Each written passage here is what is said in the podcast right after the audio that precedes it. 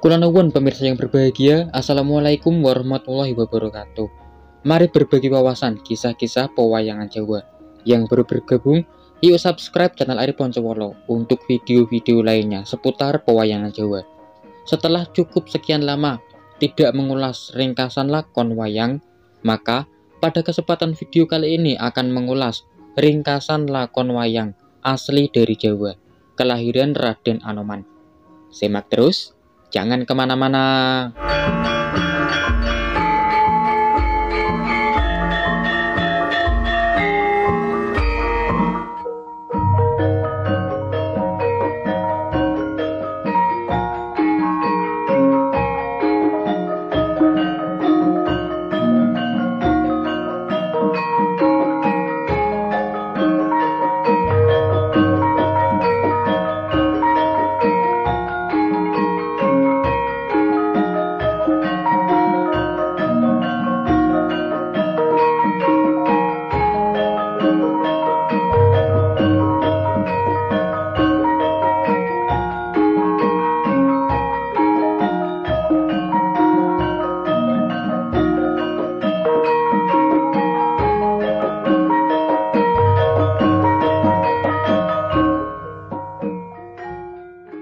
Kisah dimulai dengan pertemuan pertama antara Raden Regowo dan juga Dewi Sinto, yang mana kedua tokoh ini diceritakan hendak mandi di Sungai Jamuno. Namun, pertemuan ini merupakan pertemuan yang tidak disadari keduanya. Bahkan, antara Raden Regowo dan juga Dewi Sinto sama-sama saling tidak menyadari kehadiran satu sama lain karena keduanya terpisah oleh batu besar yang mana memisahkan antara Raden Regowo dan juga Dewi Sinto. Hal tersebut mendasari isi dari kedua tokoh ini, yakni Betara Wistu dalam diri Raden Regowo, Dewi Sri dalam diri Dewi Sinto, bergejolak hingga keduanya memapak ajian Asmoro Cipto yang berimbas Dewi Sinto tiba-tiba dalam keadaan hamil. Setelah selesai mandi, kedua tokoh ini kembali ke kerajaannya masing-masing. Dewi Sinto kembali ke kerajaan Mantili. Sementara itu, Raden Regowo kembali menuju kerajaan Ayodhyapura. Nah, pada saat ini ada tokoh yang sangat waspada, yakni Raden Lesmono Murdoko, yang menyadari apa yang baru saja terjadi. Maka, Raden Lesmono Murdoko menggunakan daya kekuatan panah Goyo Wijoyo menghempas bibit yang ada pada kandungan dari Dewi Sinto. Namun pada saat itu Dewi Sinto sama sekali belum menyadari bahwa dirinya dalam keadaan hamil. Raden Lesmono Murdoko beranggapan kejadian tersebut sama sekali tidak adil karena keduanya sama sekali tidak saling bertemu, bahkan juga belum dalam saatnya pertemuan. Maka dari itu, bibit tersebut dihempas menuju kayangan agar diadili oleh para dewa.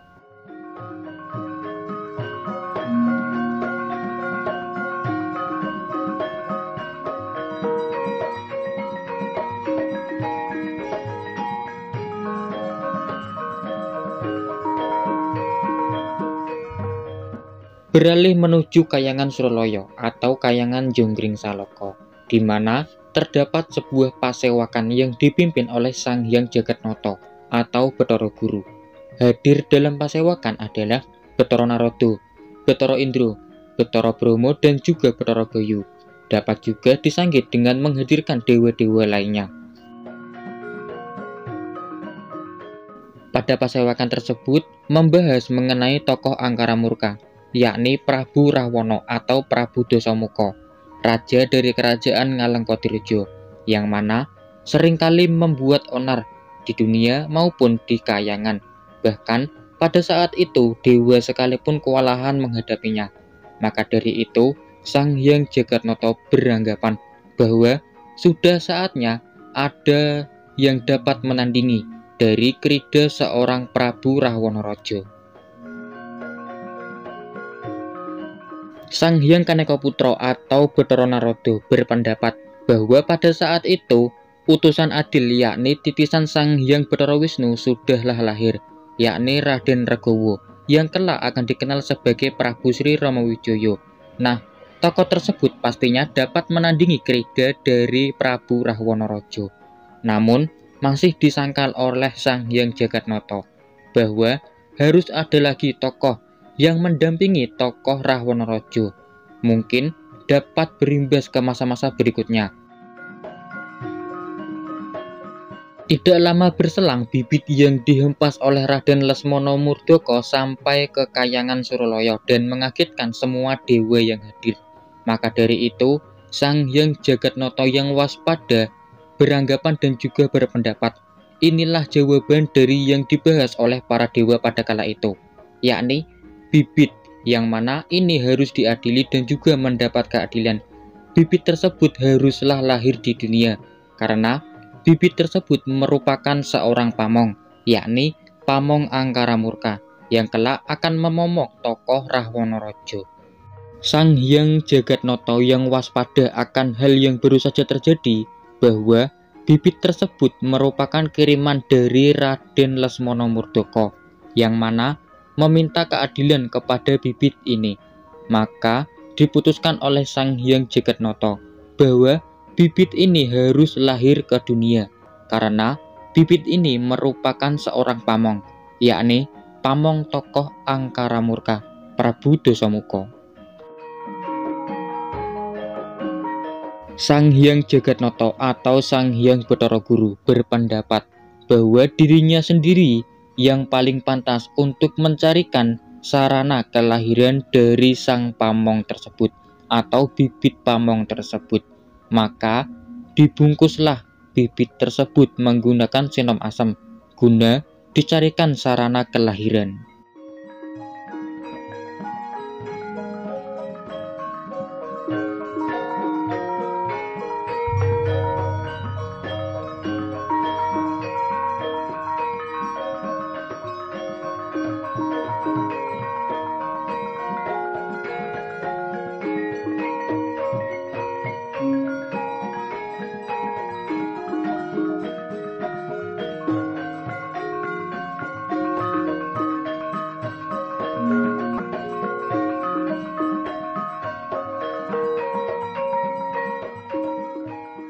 Beralih di Telaga Nirmolo, di mana Dewi Anjani sedang melakoni tapa brata di sungai guna penebusan dosa saat tragedi rebut Cupumane Astogino.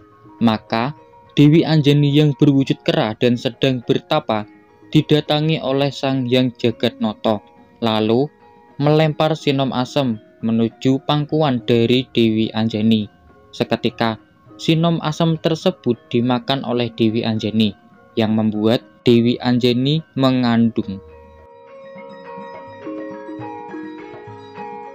Sang Hyang Jagatnoto segera mendatangi Dewi Anjani lalu berpesan, jangan kaget akan kehamilan yang dialami oleh Dewi Anjani.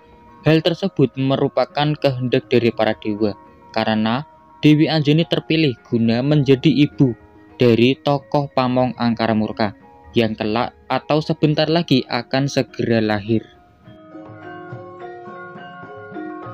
Maka atas kehendak Sang Hyang Bathara Guru, kehamilan dipercepat dan juga kelahiran dipercepat pula. Maka lahirlah sang jabang bayi dari rahim Dewi Anjani. Hal tersebut membuat Dewi Anjani meninggal kunduran dan juga pada kala itu diboyong oleh Sang Hyang Jagatnoto menuju kayangan guna menjadi bidadari kayangan. Maka sang jabang bayi yang baru saja lahir menangis tanpa henti karena tidak ada yang menunggui, bahkan tidak ada yang menyusui setelah kelahirannya. Hal tersebut membuat seorang pertapa menghampirinya, yakni Begawan Maruto, yang mengangkat anak bayi tersebut.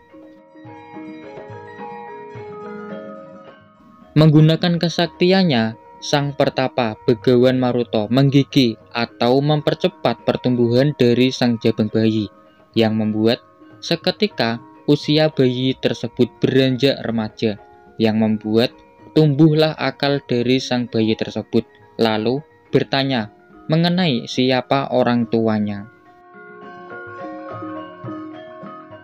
Begawan Maruto membongkar penyamarannya bahwa dirinya ternyata adalah Sang Hyang Bathara Bayu yang mengawat-awati atau mengawasi proses kelahiran dari Raden Anoman. Namun pada kala itu belum memberitahu akan siapa ayah dari Raden Anoman. Namun cuma memberi isyarat bahwa ayah dari Raden Anoman ada di Kayangan. Maka pada saat itu berpesan bahwa cukup mengaku bahwa dirinya adalah bernama Anjani Putro.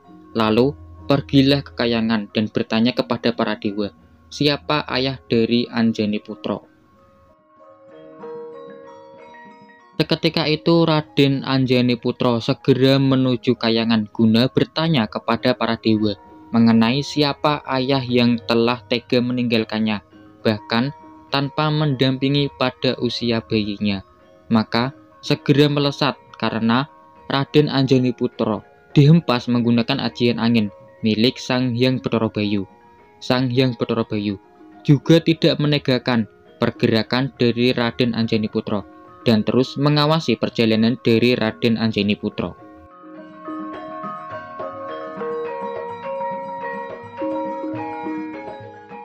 Tibalah Raden Anjani Putro di Kayangan Suroloyo Lalu satu demi satu dewa ditanyai oleh Raden Anjani Putro mengenai siapa ayah dari Raden Anjani Putro.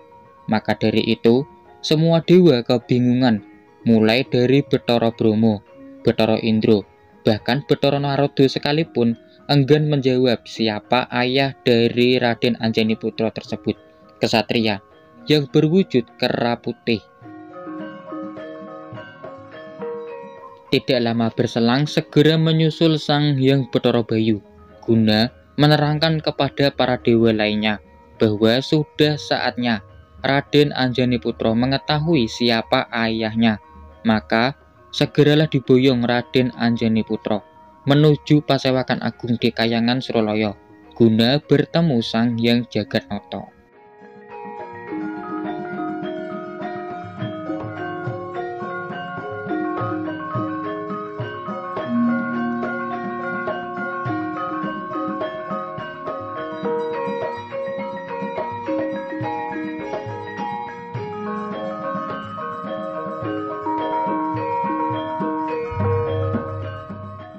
Di hadapan Sang Hyang Jagatnoto atau Betoro Guru, Raden Anjani Putro bertanya mengenai siapa ayah dari dirinya tersebut. Maka oleh Sang Hyang Betoro Guru dijawab bahwa dirinya adalah ayah dari sang kesatria yang berwujud kera putih tersebut, Sang Hyang Betoro Guru. Maka dari itu, mulai saat itu, Raden Anjani Putro juga diberi nama Guru Putro atau putra dari Sang Hyang Bathara Guru. Sekaligus juga ditambahi sebuah nama, yakni Raden Anoman, yang berarti berasal dari sinom asem daun muda. Sang Hyang Jagatnoto atau Bathara Guru juga berpesan kepada Raden Anoman agar menerima kodratnya karena terlahir sebagai seekor kera putih. Namun, bukanlah kera putih biasa, karena Raden Anoman terlahir sebagai seorang pamong tokoh Angkara Murka, yakni pamong dari Prabu Dosomuko, raja dari kerajaan Ngalengkodirojo. Bahkan, kelak akan terus menemani perjalanan dari Sang Rahwanorojo sampai begitu banyak zaman. Pada saat itu, Sang Hyang Bathara Bayu meminta izin kepada Sang Hyang Jagatnoto untuk mengangkat murid Raden Anoman agar mendapatkan bekal kesaktian dan juga tata krama sebelum turun menuju Arcopodo guna menjalani laku sebagai sang pamong angkara murka. Maka Sang Hyang Jagatnoto mengizinkan permintaan dari Sang Hyang Bathara Bayu, yakni mengangkat murid Raden Anoman kelak merupakan dikenal sebagai salah satu kadang tunggal bayu.